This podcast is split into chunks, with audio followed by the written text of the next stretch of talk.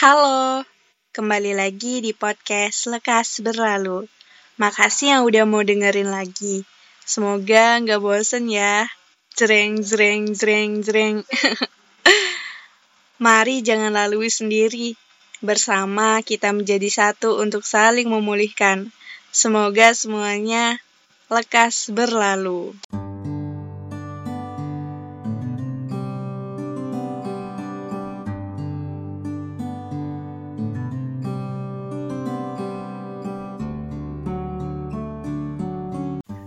Udah kan, sampai di sini aja. Harapan yang pernah kamu tanam dalam diri aku. Harapan yang buat aku menangis di setiap malam. Kadang ya, aku ngerasa ini semua udah kelewat batas. Tapi kamu sendiri yang sering banget bikin batas itu jadi sesuatu yang enggak jelas arahnya bahkan warnanya bisa berubah-ubah, membuatku sakit mata melihatnya. Teringat tentang satu tahun yang lalu, aku meminta kejelasan padamu. Aku berusaha buat ngungkapin apa yang aku rasakan selama ini. Selama dua atau tiga tahun itu.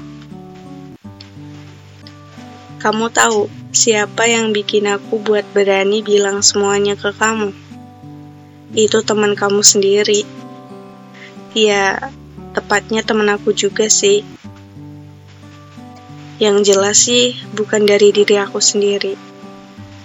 Enggak murni dari diri aku sendiri. Tapi kenyataannya ternyata seperti yang udah aku tebak. Kamu seperti memberikan aku ketegasan yang membuatku sakit. Iya, saat itu batas udah mulai menampakkan warna hitam. hitam yang bahkan aku udah nggak bisa melihat apa pun di sana. Mendadak gelap. Kamu pergi meninggalkanku dengan kata yang selalu membuatku terbit pada satu titik pertanyaan kamu membuatku ragu. Ragu atas sebuah perbincangan yang pernah kita sama-sama katakan di bawah pohon itu. Pohon yang dekat dengan usaha makanan dan parkiran kendaraan roda empat. Aku juga teramat ingat betapa pembiaranmu begitu membuatku terluka.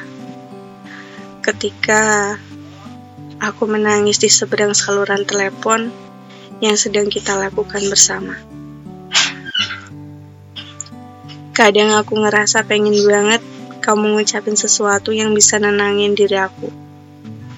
Kenyataannya, emang kamu enggak pernah serius dan yakin sama aku. Kamu bahkan berpura-pura enggak dengar apa yang aku rasakan saat itu kamu cuma bikin aku membuat kesimpulan bahwa aku emang bukan pilihanmu. Betapapun dalih yang sering banget kamu bilang bahwa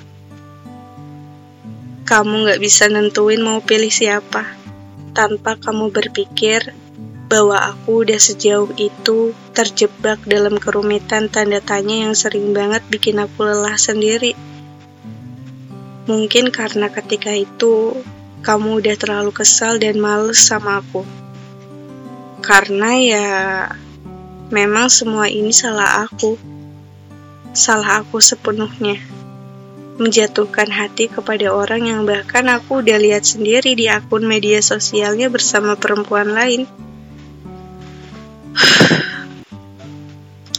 Sebenarnya sih waktu itu aku sedikit lega kalau emang dia bukan siapa-siapa kamu. Tapi aku nyesek banget pas tahu kalau dia adalah orang yang pernah singgah di hati kamu. Dan dengan cara kamu membagikan kebahagiaanmu bersamanya adalah sebuah tanda bahwa dia masih singgah dalam hatimu. Setidaknya, dia adalah seseorang yang berarti bagimu. Ya walaupun seiring berjalan waktu, kamu mulai membuka hati kamu buat aku. Tapi sampai sekarang aku merasa selalu menjadi orang nomor dua dalam hati kamu. Setiap aku bertemu denganmu, salah satu yang terlintas dalam benakku saat melihat pancaran matamu adalah dia, bukan aku. Iya, bukan aku. Entah ini adalah pandanganku aja, perasaanku aja, atau emang ini benar-benar nyata aku nggak terlalu tahu dan nggak mau tahu lagi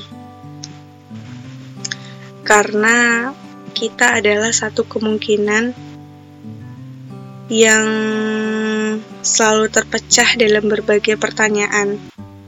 Meski satu atau dua kalimat sudah pernah aku ungkapkan dengan sebenar-benarnya, dengan sejujur-jujurnya, tapi justru memberikan cabang beserta turunan pertanyaan yang lebih banyak lagi. Dan itulah yang selalu membuatku merasa rumit dengan diriku sendiri yang dipertemukan dengan orang yang gak pernah menjawab satu pertanyaan pun dariku.